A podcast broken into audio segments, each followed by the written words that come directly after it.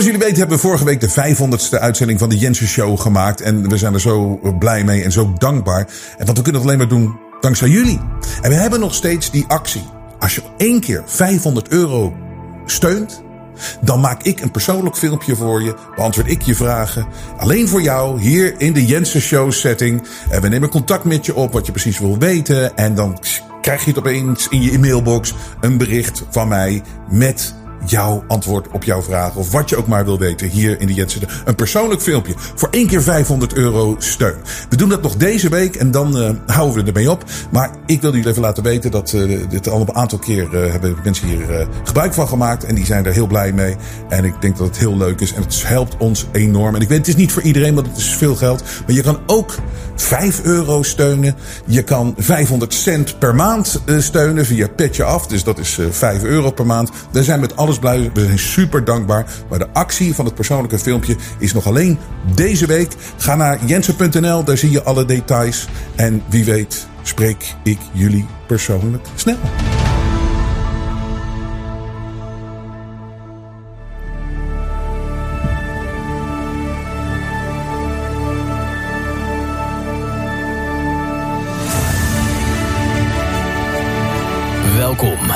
Strijders voor onze vrijheid en onze rechten, die zich nooit gek laten maken en rustig blijven.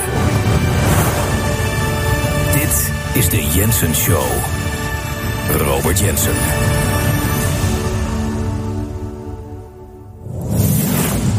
Het is vandaag 12 september 2022. En dat betekent dus, en ik ga nu iets heel intelligents zeggen, dat het gisteren 11 september was. En uh, dat is een, een uitspraak. Ja, daar zullen jullie waarschijnlijk eventjes uh, even op de agenda moeten kijken. Klopt dat nou wat hij zegt? Vandaag 12, gisteren 11. Is dat nou wel zo? Of is het fake news van deze conspiracy theorist, deze complotdenker Jensi? Um, nee, je kan van mij uh, aannemen dat het gisteren 11 september was. En 11 september is voor mij niet 11 september meer. Ik noem in mijn omgeving, noem ik, als het 11 september is, noem ik het 1 april. En waarom is dat? Omdat iedere 11 september word ik herinnerd aan het feit hoe ik in de maling genomen ben 11 september 2001.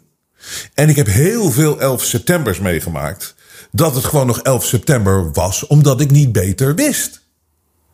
Ik had gewoon, ik nam gewoon aan dat het verhaal wat ons verteld was. Ik was er ook zo van geschrokken wat er die dag gebeurd was, 11 september 2001. Ik, ik heb het gewoon aangenomen van oké, dat zal wel kloppen. En ik was ook in shock. En als je in shock bent, dat hebben we ook gezien bij Kiona, ja, dan kan je alles doen met mensen. En op 11 september 2001 was ik in shock. Dus jarenlang heb ik 11 september gewoon uh, herdacht als 11 september. Maar nu is het gewoon 1 april.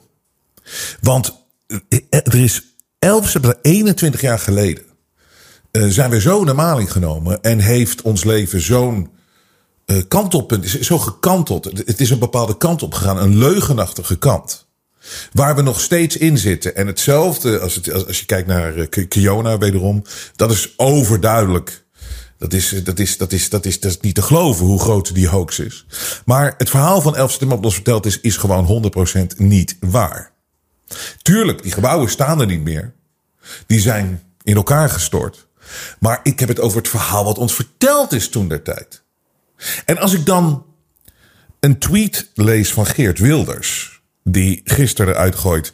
21 years ago today, 19 Muslim terrorists attacked the free world. Let us never forget the true face of evil and protect our freedom.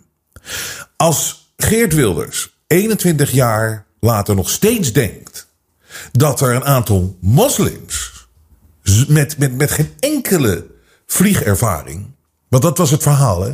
Laat ik je nog eens even vertellen wat het verhaal was. Het verhaal was, er zijn een aantal moslims die zijn uh, door de douane gegaan en door de beveiliging met allemaal van die messen en weet ik veel wat allemaal, die boxcutters zoals dat heet. En het waren allemaal moslims, die waren pas net in Amerika en die hadden een paar vlieglessen genomen. En voornamelijk in Florida was ook nog met, van een, met een Nederlandse vliegtuig, uh, vliegleraar of zo, instructeur. En die hadden vlieglessen genomen Een paar. En uh, volgens de instructeur waren ze niet geïnteresseerd in landen. Ze wilden alleen maar weten hoe ze moesten opstijgen.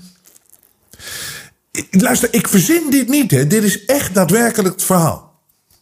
Wat ons verteld is. En ook meteen, zeg maar, een paar uur nadat dit gebeurd was. Wisten we meteen wie het was, Mohammed Atta en weet ik wat allemaal. Die, die waren het allemaal, deze mensen. Nou, oké. Dus deze mensen met weinig vliegervaring. Dus een, groepje had heel weinig vliegervaring. En de andere groep die had uh, alleen maar op uh, PlayStation hadden ze gevlogen. Of hoe heet de Flight Simulator, programma. Dus die hadden op de computer gewoon, weet je, wat kids allemaal ook doen. Hebben ze zo, weet je, dat kan je net doen alsof je vliegt. Dat is natuurlijk niet hetzelfde. Maar daar hebben ze leren vliegen, deze gasten. Deze hijackers, deze moslims, deze extreme moslims. Deze terroristen. Van Osama Bin Laden. Die aan de kant van Amerika, die gesteund werd door Amerika. Nog geen uh, 10, 20 jaar daarvoor. Anyway. Dus die gasten, die kapen vliegtuigen. En met het minimale vliegtuig, eh, een vliegtraining, combinatie van lessen, waarin ze niet wilden leren hoe ze moesten landen, alleen opstijgen, en flight simulator, gewoon op de computer. Met die ervaring stappen ze de cockpit binnen van een Boeing 737 of een Boeing 767, een grote commercial jetliner, airliner. Zij gaan daar zitten achter die stuurknuppel. Zij zetten de radar uit, ze zetten de juiste knoppen, ze weten precies waar ze op moeten drukken. Zij pakken het vliegtuig en ze weten precies hoe ze langs de eastern seaboard van Amerika, langs de oostkust, bijvoorbeeld van Boston naar Manhattan kunnen vliegen. Met minimale vliegervaring. En ze vliegen, ze vliegen, ze vliegen. Ongelooflijk hoe ze dat kunnen. Hè? Maar dat doen ze dat. Ze, weten precies, oh kijk, dit is Boston. Oké, deze vliegroute, we gaan dit en dit moeten we uitzetten en zus en zo. En bla bla bla, dan kunnen ze ons niet zien. En. Dus ze vliegen. En dan zien ze, hé, hey, daar hebben we Manhattan. Kijk, die torens moeten we hebben. Dus hoe, hoe deden we dat ook alweer? Flight simulator. Oké, zo. Nou, dus die gasten vliegen met vol. Met de keiharde, de hardste snelheid waarmee je kan vliegen, wordt ons verteld, 800 km per uur. Wat, of 700 km per uur. Wat raadselachtig is, want niemand ooit heeft ooit op die hoogte zo hard gevlogen. Dat kan namelijk niet. Maar maakt niet uit. Daarmee vliegen ze die torens binnen. Dat hebben we allemaal gezien. Dat, uh, we hebben een paar filmpjes gezien. Het is me nu duidelijk waarom ik niet hè, op het eiland van Manhattan, waarom je niet uh, eh, 700 verschillende beelden hebt gezien van die vliegtuigen die binnenvliegen. Maar goed, dat maakt niet uit. Die explosies hebben we natuurlijk gezien. We hebben die dingen in de fixing staan, live op televisie. En dan moet er, dus het was een explosie. Het vliegtuig vliegt in het World Trade Center. Na een tijdje storten die gebouwen in, zoals je ook een hotel in Las Vegas of een heel oud gebouw wat gewoon uh, opgeblazen wordt omdat ze iets nieuws gaan bouwen. Uh, die zie je gewoon zo in elkaar storten. Zo van boven naar beneden. Precies zoals je dat ziet. Zo'n beetje zo'n oud Las Vegas casino hotel. Gewoon in elkaar gestort. A controlled demolition heet dat. Zo zag het er precies hetzelfde uit. En het verhaal daarvan is is dat die vliegtuig, dat vliegtuig, dat had allemaal kerosine. En dat is naar beneden gedruppeld. Want dat was het eerste verhaal, en dat hebben ze later teruggetrokken. Nou is niet zo duidelijk wat er nou precies gebeurd is. Het was gewoon de impact van het vliegtuig. Maar het rare is dat kerosine, als, dat, dat heb, als je dat ziet exploderen, dat zag je ook. Kerosine als het, is meteen weg. Dat druppelt niet naar beneden. Want het is een, een liquid, het is, het is een fluid, het is, het is, het is eh, vloeistof. dus dat gaat meteen weg. Maar het verhaal in eerste instantie was dat deze moslimterroristen, dat het vliegtuig en dat het zo heet was geworden, dat de structuur, de stalen structuur van het gebouw, de World Trade Center, dat het ingestort is. Nou, die andere ging ook. En wat het meest mysterieuze is, dat er stond een gebouw tegenover die twee torens. En die is ook ingestort. Maar er is geen vliegtuig ingevlogen. En er wordt gezegd, ja, maar dat komt omdat het gebouw was ingestort. En waardoor dat uh, gebouw er tegenover heeft, ja, dat door al het, weet ik veel, de krachten en weet ik veel van die twee gebouwen, is die ook op precies dezelfde manier ingestort. Nou, er zijn inmiddels onderzoeken gedaan. Uh, en dat, dat kan helemaal niet. Dat gebouw wat zomaar instortte, dat kan helemaal niet. Dat is nu bewezen. Zelfs de University van Alaska heeft er een grootste onderzoek ooit naar gedaan. En heeft gewoon geconcludeerd: dat verhaal kan niet. Het is onmogelijk. En het, het, het hele verhaal van dat die vliegtuigen de, de, de oorzaak zijn van dat die twee torens instorten, kan ook gewoon niet. En geloof mij niet, doe je eigen research. Maar mensen die dit soort gebouwen bouwen, zeggen dat kan helemaal niet. De impact van zulke vliegtuigen kan nooit zo groot zijn dat dat hele ding op deze manier instort. En weet je wie dat ook zei op de dag 11 september zelf?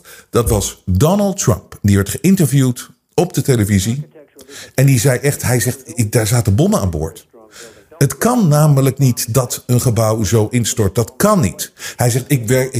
Trump, die, die, die, heeft, die, zit, die, die, die, bouwt die torens allemaal. En die, hij was toen helemaal geen uh, politiek iemand. Hij was toen gewoon een real estate guy. En hij, hij, hij, zette wolkenkrabbers neer en appartementencomplexen. Hij zegt, ik zit mijn hele leven zit ik al in die bouw. Dat kan niet. Ik bedoel, er moeten bommen aan boord zijn. Want een, een dit, zo'n impact dat, dat krijg je niet. Dat gebeurt niet als je met een vliegtuig een stalen structuur, en zeker de World Trade Center, op de manier zoals dat gebouwd is, kan dat weerstaan. Tuurlijk zal er schade zijn, maar het stort niet zo in. Dat is onmogelijk, zei Trump zelf. En recentelijk heeft Trump nog gezegd toen hij weer, hè, want 11 september wordt natuurlijk tegen, voor alles gebruikt. Zoals uh, altijd soort incidenten natuurlijk gebruikt worden om tegenstanders uh, of, uh, van het regime zwart te maken. Dus hij werd er weer van beschuldigd. En toen zei hij letterlijk, was de headline, we have never gotten to the bottom of 9-11. Met andere woorden, we hebben nooit helemaal de waarheid. sterker nog, we zijn niet eens begonnen met het zoeken naar wat daar echt gebeurd is op 11 september. En we hebben zeker niet de onderste steen boven wat daar gebeurd is. En dus hij bevestigt ook dat het verhaal wat ons verteld is, dat dat gewoon niet klopt. Maar zoveel is veranderd op die dag. En ik kan nog, ik kan nog heel lang doorgaan met dingen die niet klopten, wat ons toen wel zo verteld is. Maar het is uh, daardoor um, zo belangrijk om nooit meteen, dat moet een les zijn van alles, ook de Kiona. Het wat eerste verhaal wat naar buiten gebracht wordt na zo'n groot incident, nooit meteen geloven. En nooit meteen aannemen. En niet als je in zo'n paniek, in zo'n angstsituatie zit. Dat je, dan ben je eigenlijk heel gevoelig. Want je wil weten hoe dingen zitten. Je wil gerustgesteld worden. En dat is het moment dat je een leugen kan inbrengen. Of een verkeerd verhaal kan inbrengen. Of niet de juiste waarheid. Of een halve waarheid. Die dan zijn eigen leven gaat leiden. En dat gebeurt iedere keer. Kiona, mensen bang, bang, bang, bang, bang, bang, bang, bang, bang. Killervirus, je wordt helemaal overspoeld met informatie. Over, en, en, en blijkt uiteindelijk helemaal niks te kloppen. En dan komen we zo weer op hoe dat hele verhaal is ingestort en met de dag meer en meer instort. En de Kiona-ratten verlaten het schip. Maar ze hebben het ons wel aangedaan. En het is allemaal verkeerde informatie geweest. Maar als je weet dat je even rustig moet blijven. Met ook wat ze in de toekomst nog gaan vertellen. En nog gaan doen. En wat, wat, welke, welke incidenten er plaatsvinden. Nou zeg ik echt niet. Ik ben niet zo iemand die gelooft dat er helemaal niks gebeurt. En dat er niet hele erge dingen gebeuren. En ik zeg ook niet dat alles verkeerd uitgelegd wordt. Of dat alle informatie die je krijgt na een incident verkeerd is. Nee, wat ik zeg, rustig blijven in het begin. En dat vereist een bepaald inzicht. En het vereist ook een bepaald ja, bijna met, zoals het in de spirituele wereld heet, het met het derde oog kijken naar een situatie. Dus niet alleen wat je hier ziet, maar ook wat je voelt en een beetje van een afstand kijkt naar dit soort incidenten. En ik heb dat ook vanaf dag één gezegd over het Poetin- en Oekraïne verhaal. Mijn statement was overduidelijk. Ik geloof Poetin niet. Ik geloof de heilige Zelensky niet. En ik geloof het Westen niet met wat er verteld wordt. Want ik ben het eens met deze cliché of gezegd, maar die is zo goed. Het eerste slachtoffer van een oorlog is altijd de waarheid omdat er komt zoveel propaganda. Mensen hebben zoveel belangen. Die dingen, die dingen gebeuren, die breken uit. Die oorlogen breken uit. Altijd met een bepaald doel. Altijd om bepaalde redenen. En wat het is. Dat, dat, dat, dat, je kan het niet aannemen van Of de ene kant, of de andere kant, of de zogenaamd goede kant. Die zijn er namelijk helemaal niet in zo'n verhaal.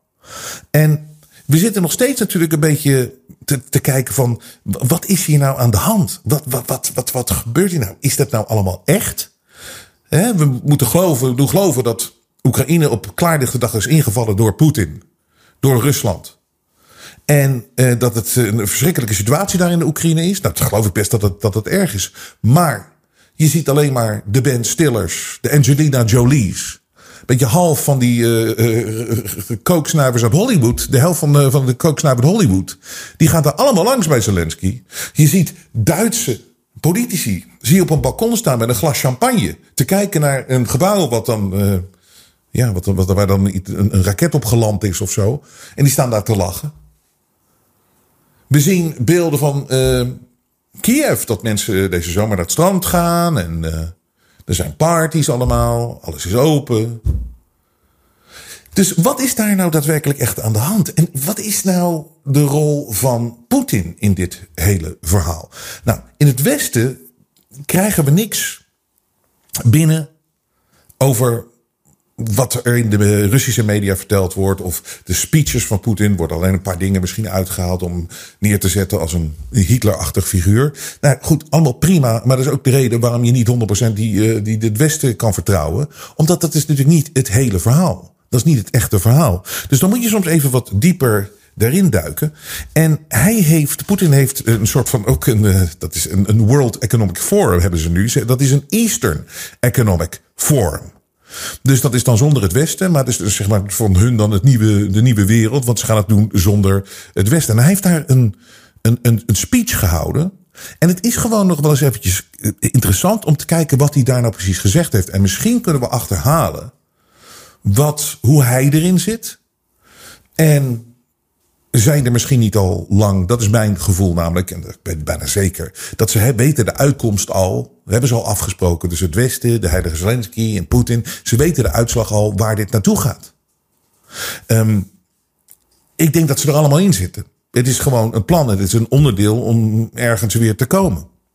We denken altijd dat iedereen tegenover elkaar staat. Maar er is altijd maar één partij die aan de touwtjes trekt. En even kijken of we dat uit die speech kunnen halen. De Russische president beschuldigt de westerse leiders van het kwetsen van hun eigen volk door incompetentie. Het Westen en losstaande elites bedriegen. Dit is een hoogtepunt van de toespraak van Poetin op het Eastern Economic Forum. Hij heeft een lange toespraak eh, daar in eh, Vladivostok, in het eh, verre oosten van Rusland. Hij gaf onder meer commentaar op de zich ontvouwende crisis in de wereldeconomie, die hij toeschreef aan de kortzichtigheid van de westerse elites. Volgens Poetin proberen ze zich vast te klampen aan de wereldmacht terwijl die uit hun handen glipt. Heel interessant natuurlijk. Dus laten we kijken wat waar is en wat niet waar is. Kijken of we er iets kunnen uithalen. Hier zijn een aantal van de belangrijkste punten die Poetin in zijn toespraak maakte. 1. Westerse dominatie neemt af. Hij zegt, Poetin, de wereld staat voor ernstige economische uitdagingen. En in tegenstelling tot de impact van de COVID-19 pandemie is de huidige onrust het resultaat van, van bewuste beslissingen van westerse landen, zei Poetin. Nou, hier wil ik meteen even stoppen. Want dit is voor mij een soort van smoking gun, smoking gun, dat Poetin hier gewoon onderdeel van is. Samen met het Westen. Want wat we één ding honderdduizend procent zeker weten, ik bedoel, dat is, er is nooit een gevaar voor de volksgezondheid geweest. En al die gasten wisten het. Al die gasten wisten dat COVID-19 is, is verzonnen, is opgezet, is gebruikt als een soort van doel om de wereld opnieuw in te richten en uh, te beschadigen en een nieuwe wereldorde te creëren. Dat weten we. Dat weten we. Want er is, wat Dr. Mike Yeadon vorige week ook al zei. There has never been a danger to public health. Nooit, want dat zie je nu ook aan de statistieken. Je ziet het aan de cijfers. Ik blijf het herhalen. Het heeft de de, de, de, de, de, de IFR van, een, van, van de griep. En de griep is verdwenen uit de statistiek. En dus net zoveel mensen zijn overleden aan de griep dan aan COVID in twee jaar tijd. Corona in twee jaar tijd. Maar uit de statistiek is verdwenen griep. En hetzelfde, het, hetzelfde getal is overgenomen door iets met, met een andere naam. Dus dan weet je dat dit is nooit een gevaar voor de volksgezondheid geweest. Nooit. Dit is een toneelstuk, dit is een politiek ding geweest, dit is een Gewoon in elkaar gezet. En voor hem om te zeggen, voor Poetin om te zeggen, in tegenstelling tot de impact van COVID-19-pandemie, is de huidige onrust het resultaat van bewuste beslissingen van westerse landen, zegt Poetin. Dus dit geeft aan dat hij helemaal op de hoogte is geweest vanaf dag 1 van het Kiona-verhaal. Er speelt iets op de achtergrond. Het gaat natuurlijk allemaal om dat gas en dat olie. Wat, wat, wat, wat nog steeds zo. Ja, daar krijgen we misschien nooit een goed antwoord op. Maar jullie mogen ook meedenken. Aan het begin van die periode, echt aan het begin, toen het allemaal weet, toen we allemaal, uh, vlak voordat we allemaal in lockdown gingen, was de olieprijs 0 euro ongeveer. 0 dollar. Olie kon je niet. Ze gaven het gewoon weg. Rusland ook. En moet je kijken, nou zijn we een aantal jaren verder waar de prijs nu staat. Wat er gebeurd is in dat begin. En dus in het begin heeft daar die olie, en dat gaat natuurlijk allemaal altijd om, dan gaat het altijd gaat het daarom, zijn daar afspraken gemaakt terwijl wij afgeleid zijn en waren met het killervirus. Wat uiteindelijk niet een killervirus bleek te zijn. Dus hij zegt, COVID-19 was niet bewust. Maar hij heeft ook meegedaan. Hij heeft ook Rusland in lockdown gedaan. Inderdaad minder dan het Westen. Maar hij heeft wel meegedaan. En het theater. Dat hij daar in de hasmatpak stond. En de mooiste vind ik nog die hele lange tafel waar hij dan tegenover Macron zat of zo. Omdat hij zogenaamd bang was voor Kiona. Maar dat, die was prachtig. Die is een kilometer lange tafel. En hij heeft gewoon meegedaan met het theater. Dus hij weet wat hier aan de hand is. Maar goed, oké. dus hier betrappen we op dat, dat dit klopt niet. Hij zegt: het Westen kreeg sanctiekoorts toen het probeerde zijn wil op te leggen aan andere naties. Hoewel dit niet nieuws is, wordt de huidige situatie volgens de president gekenmerkt door bijzondere omstandigheden. De VS verliest zijn dominantie in de wereldeconomie en politiek en tektonische verschuivingen die de westerse elites niet willen erkennen. Dat is waar dat er natuurlijk eh, tektonische verschuivingen zijn. Maar het enige wat natuurlijk niet klopt aan wat Poetin hier vertelt, is dat de westerse elites dit zelf veroorzaken. Omdat ze dus zo'n wereldregering op willen hebben. Op de achtergrond, zeg maar. Dat zij overal in de wereld aan de touwtjes trekken. En in hoeverre zijn hier niet al afspraken gemaakt met Poetin? Van ga jij even mee, we zetten je neer als de verschrikkelijkste man ter wereld. Ga even mee, we komen hier straks wel weer uit. En dan krijg jij dit erbij, krijg jij dat erbij, krijg je zus erbij, krijg je zo erbij.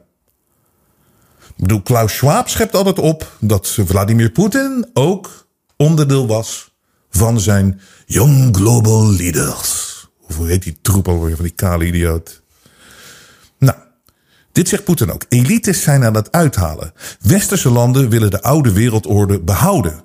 Maar alleen zij, waar alleen zij baat bij hebben, om iedereen de regels te laten volgen die ze zelf hebben uitgevonden en die ze regelmatig overtreden of veranderen in hun voordeel, zegt Poetin.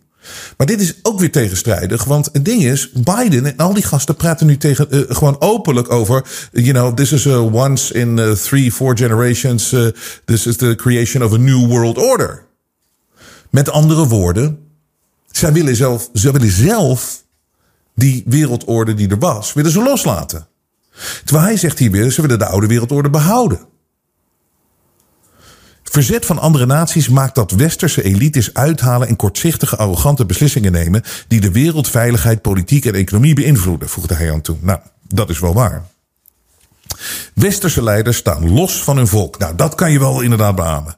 Het beleid van de leiders van de VS en hun bondgenoten druist in tegen de publieke belangen die ze geacht worden te beschermen. Dit toont aan dat de westerse elites losstaan van hun eigen volk. Nou, dit is helemaal waar, want dat klopt. Dat is helemaal waar. Er is nog nooit. niks, niks klopt toch meer wat politici zeggen. de, de, de, de beslissingen die genomen worden, die snapt toch niemand meer? EU-regeringen zijn een goed voorbeeld. Ze besloten hun economie los te koppelen van Rusland, waardoor hun bedrijven betaalbare energie en toegang tot de Russische markt werd ontzegd, waardoor ze niet in staat zijn om te concurreren, zei hij. Poetin voorspelde dat Amerikaanse bedrijven het voortouw zouden nemen om de marktaandelen van de EU-gevestigde bedrijven te veroveren. Als Amerikanen hun belangen nastreven, beperken ze zichzelf niet en gaan ze nergens voor terug. En dit is, maar het is een beetje double speak natuurlijk van hem. Dat hij aan de ene kant zegt dat um, de elite die doet dit hun, uh, hun, hun, hun, hun eigen volk aan, zeg maar. En, maar ze willen wel de oude wereldorde willen ze bewaren. Terwijl waarom zou je het je eigen volk aandoen als je sterk en krachtig wil blijven? Dit is allemaal, het wordt allemaal bewust, wordt dit gedaan. Het Westen bedriegt arme landen. Nou ja, goed, dat is natuurlijk sowieso alles waar we nu. Kijk, als het met ons slecht gaat, moet je nagaan hoe het gaat in de derde wereld. Dat was hetzelfde het begin van corona. Mensen zeiden van, ja, maar zonder, uh, zonder gezondheid is er geen welvaart. Nee, het is natuurlijk andersom. Zonder welvaart is er geen gezondheid. En iedereen riep dat maar. Hè. Zonder, gezondheid is er geen welvaart. Gezondheid is het belangrijkste wat er is. Nee, weet je wat het belangrijkste is? Wat er, wat er is? Ik realiseer me dat meer en meer en meer. Ik heb het eigenlijk altijd geroepen. Iedereen zegt dat dat is het belangrijkste. Ja, je gezondheid, zegt iedereen. Nee, weet je wat het allerbelangrijkste is? Je vrijheid.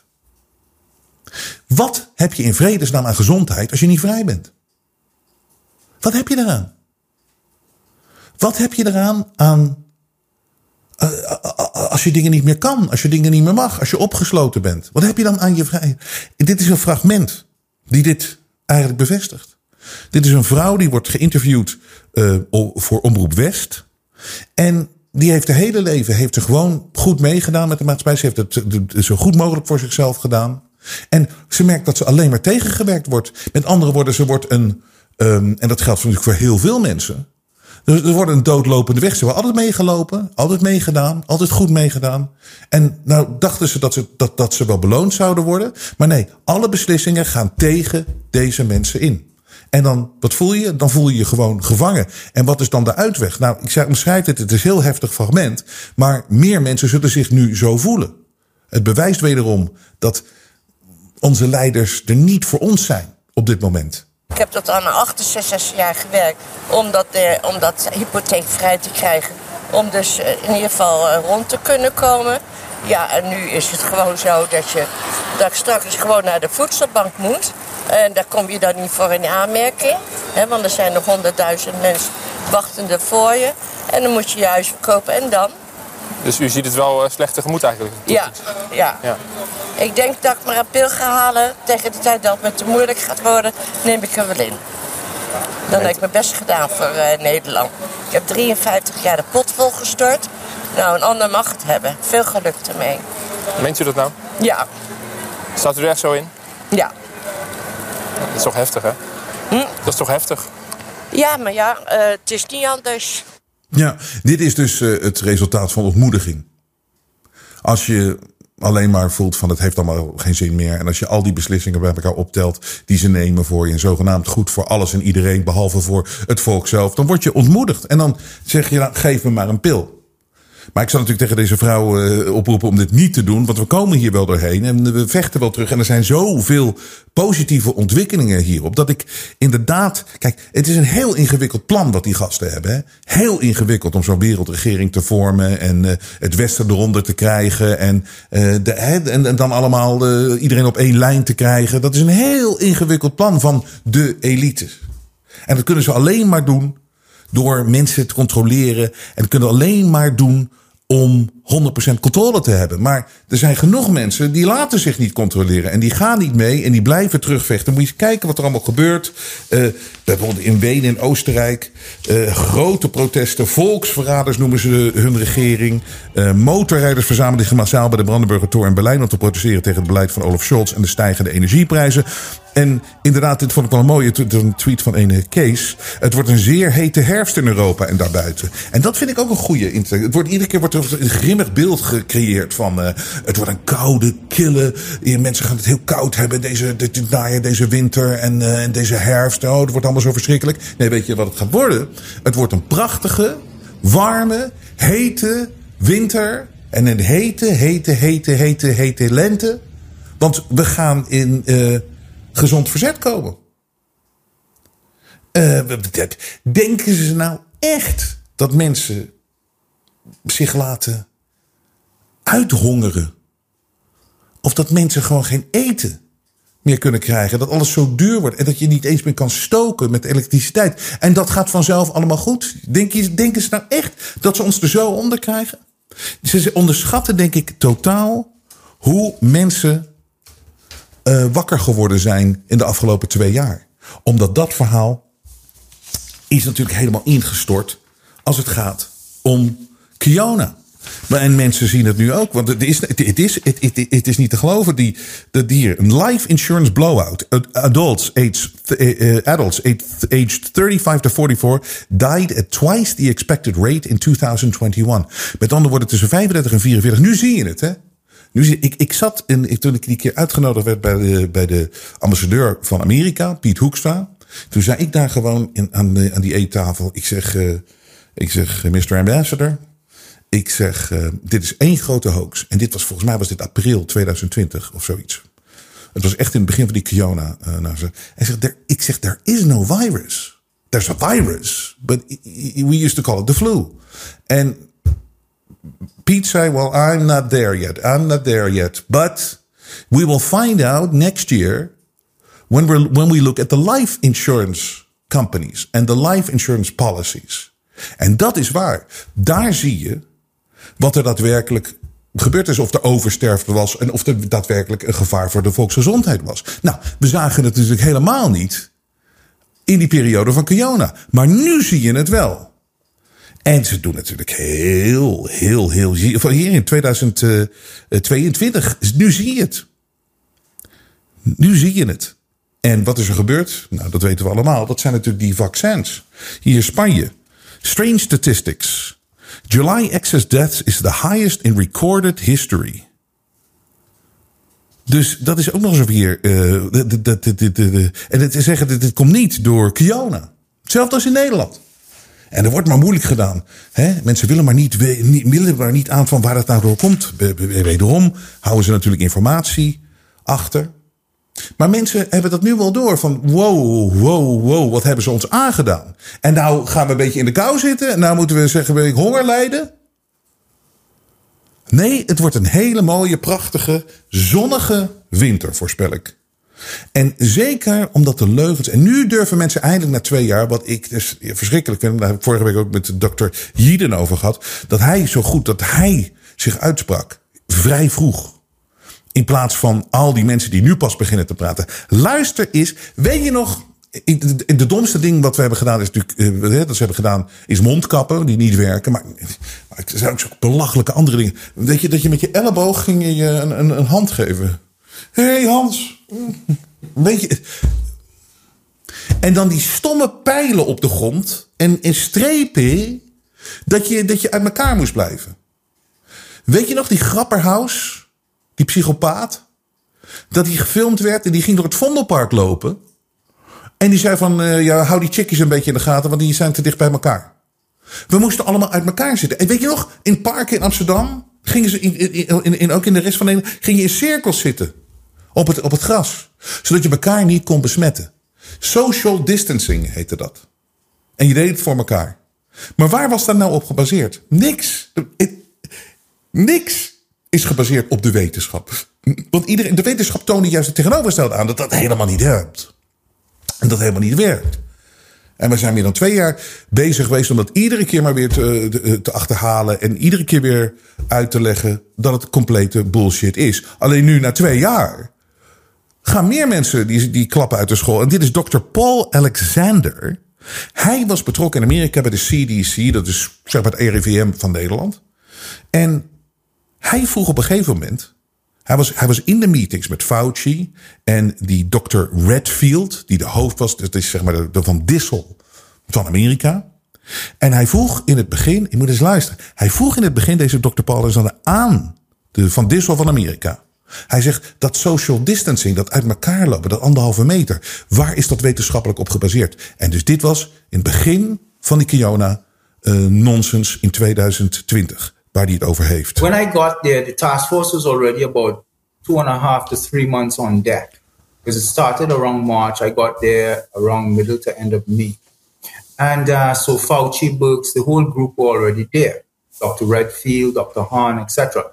Now, so I had interactions with all of these people in the nature of what I was doing and the bosses that I reported to. Um, I can tell you that uh, on one day, um, I actually, in a conversation, I had the option to talk to Dr. Redfield. Um, and, I, and I would have to tell you that my technical relationships with him have always been very good. Um, we I exchanged a lot of technical, scientific information. Himself too to me in our discussions. So, you know, people have the, the debate about their workings with Dr. Redfield and stuff. I, I will not get into that. I can only talk about my scientific work with him. So I asked him, I said, so Dr. Redfield, can you tell me, can I, can I get an example of the science and the studies that the CDC um, used to make that social distancing six feet, etc.? And uh, he had come to our office to have a discussion with a couple of my bosses, and I was there in part of the meetings. So I was walking with him after the, the, the meeting, and um, he looked at me in a in a and, and we got along well, and he chuckled and he said, "Paul, science. This this is para." What he said, science. Uh, there was no science. We made it up.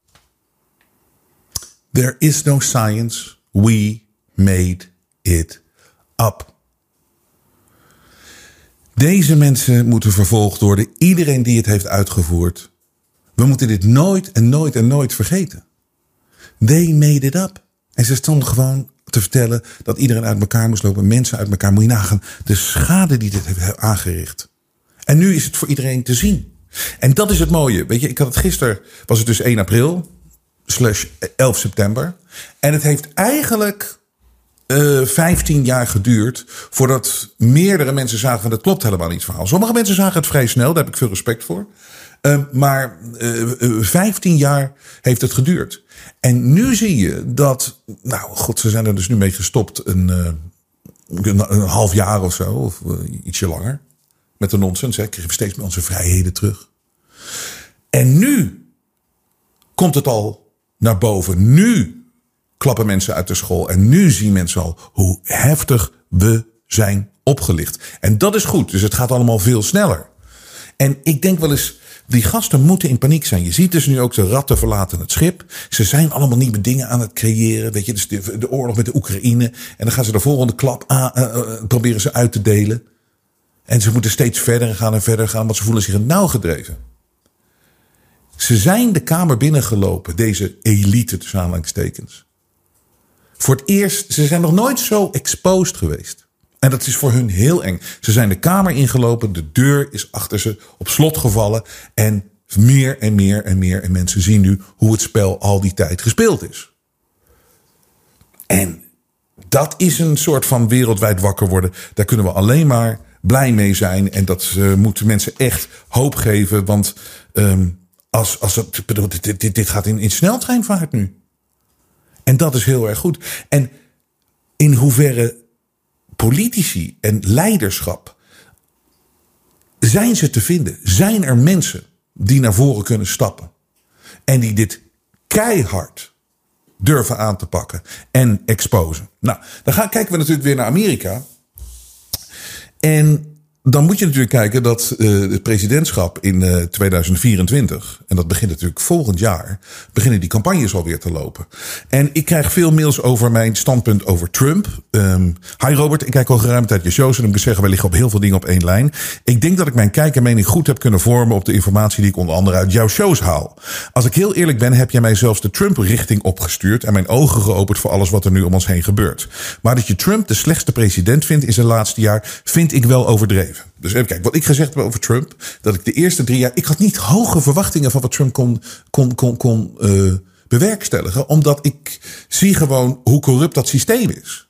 Hoe moeilijk het is. Maar als het maar 10% beter wordt, dan denk ik dat een president een fantastische job gedaan heeft. En ik vond het de eerste drie jaar dat hij veel meer voor elkaar kreeg. Voornamelijk het exposen dat je zag hoe corrupt die intelligence agencies zijn. Als je ziet hoe corrupt de media was, dat heeft hij echt exposed. En heeft hij de ogen door geopend. En heeft hij heel veel mensen wakker meegekregen. En dat is zo'n prestatie. Maar ja, hij was president van Amerika. En hij was heel sterk in het begin in de corona-tijd. Die zegt, we gaan uh, de economie niet dichtgooien. We gaan Amerika niet dichtgooien. Dat is, dat is niet wat Amerika is. En begin april zitten we gewoon allemaal weer bij elkaar met Pasen in de kerk. Nou, ik, ik vond dat zo sterk en ik had zo groot omdat het heel de wereld viel, dat hij sterk was gebleven. En uiteindelijk is hij toch omgegaan. En daarom vind ik hem in zijn ja, laatste, eerste drie jaar de beste president ooit. En het laatste jaar de slechtste president ooit. Want een president gooit niet zijn land op slot. Als je weet dat het niet klopt. Dus dat vindt, uh, even kijken hoor, dat vindt Dave vindt dat een beetje overdreven. Maar hij zegt, volgens mij is het niet Trump, maar de CDC in samenwerking met de gluiperds als Fauci die het land op slot hebben gegooid. Trump heeft nooit verplichtingen of beperkingen gesteld aan corona. Ik weet niet waar dat idee vandaan komt, maar dat is gewoon absoluut uh, niet waar. Want ik, zelfs Curry, Adam Curry heb ik uh, gesproken een tijdje geleden, die zei dat ook, dat Trump heeft het niet in lockdown geraden. Dat konden alleen de gouverneurs doen. Nee, nee, nee, nee, nee, nee, nee. Hij heeft gezegd, we gaan in lockdown, we gaan nu stoppen. Hij heeft zelfs ruzie gemaakt. In het begin, vrij, in het begin heeft Georgia, governor Kemp, de gouverneur van Georgia, de staat Georgia, heeft heel veel dingen weer opengegooid. En Trump heeft publiekelijk hem afgebrand. En gezegd, ik ben heel ontevreden met, met Kemp dat hij dat doen. We moeten nog langer de, uh, uh, dicht blijven. Dus hij zeker hij is zeker, en ik ben het met je eens dat hij gemanipuleerd is door de foutjes van deze wereld. En hij wist, en de Burksen van deze wereld. Dat weet ik. Maar hij is de president van Amerika. En om te zeggen dat hij het niet op slot gedaan heeft. En dat hij daar niet uh, uh, gestaan heeft als commander-in-chief van Amerika. En zeggen van, we gaan in lockdown. Dat is totaal niet waar. Dat heeft hij wel gedaan. En zo eerlijk moeten we zijn. Trump heeft ook niet het vaccin gemaakt, maar restricties verwijderd, zodat dit sneller zou gaan. Ja, Operation Warp Speed. Maar ja, wat heeft, wat heeft dat, waar, waar heeft dat toe geleid? Dat, dat, dat die vaccins er, snel waren. En uh, zie je het resultaat van die vaccins. En daarbovenop. Hij heeft ook nog in Operation Warp Speed, hij heeft allemaal van die beademingsapparaten heel snel door Boeing laten maken. Daar was hij ook zo trots op. Maar die beademingsapparatuur, die heeft, heel veel mensen zijn daaraan overleden. Vorige week nog met uh, Dr. Yiden over gehad. Die, dat, dat, dat, gebruik je helemaal niet voor zo'n virus. Het, het blaast meteen voor zwakke mensen de longen eruit als je dat erop zet. Dus uh, weet je, je moet toch, als je, als je daar zit als president van Amerika, ook heb je het drie jaar goed gedaan, als je, als je dit soort dingen doet, ja, dan moet je realistisch, reëel over praten. Um, was het niet Trump die aangaf dat de hydrochlor, ivermectine alternatieve geneesmiddelen waren? Hetgeen waar hij mee zwart gemaakt werd, maar uiteindelijk wel werkt. Ja, hydroxy, hydroxychloroquine, dat was hem, hydroxychloroquine. Dit heeft hij inderdaad gezegd. En dat was ook de betere route. Maar was dan daarop verder gegaan? En had dan gezegd, we gaan dat doen. Vaccins is prima, maar dat moet iedereen maar zelf beslissen. Maar wij blijven doorgaan met Amerika. We gaan niet op slot. Ben je nou helemaal gek geworden voor een virus?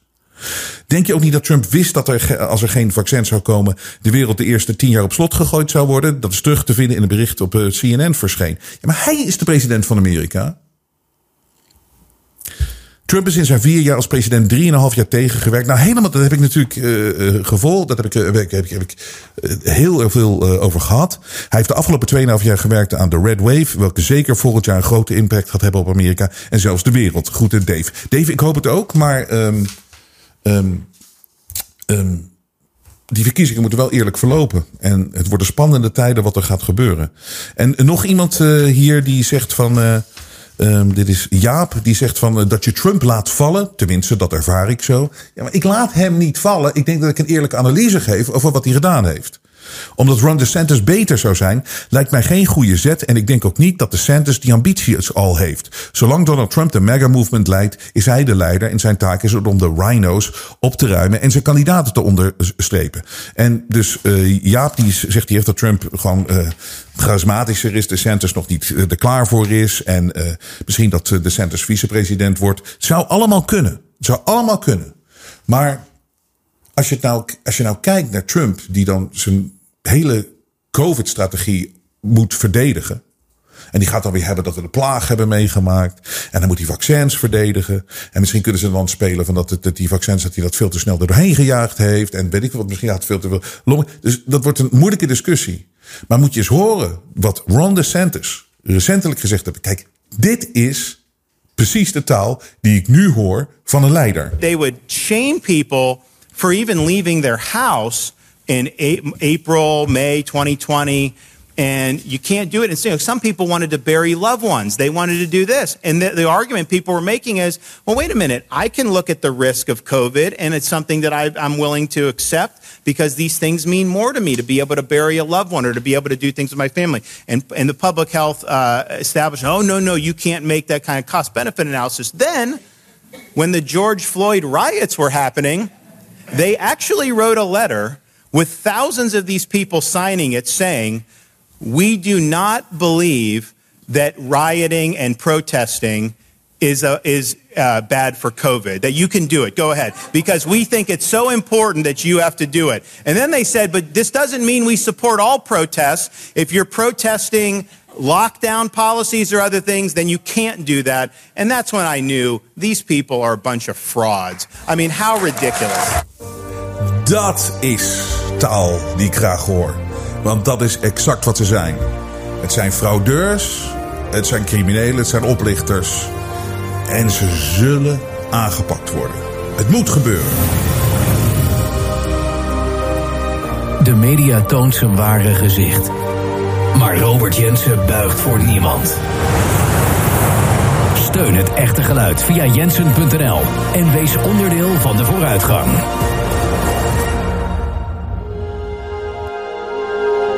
Het vrije geluid laat zich niet censureren.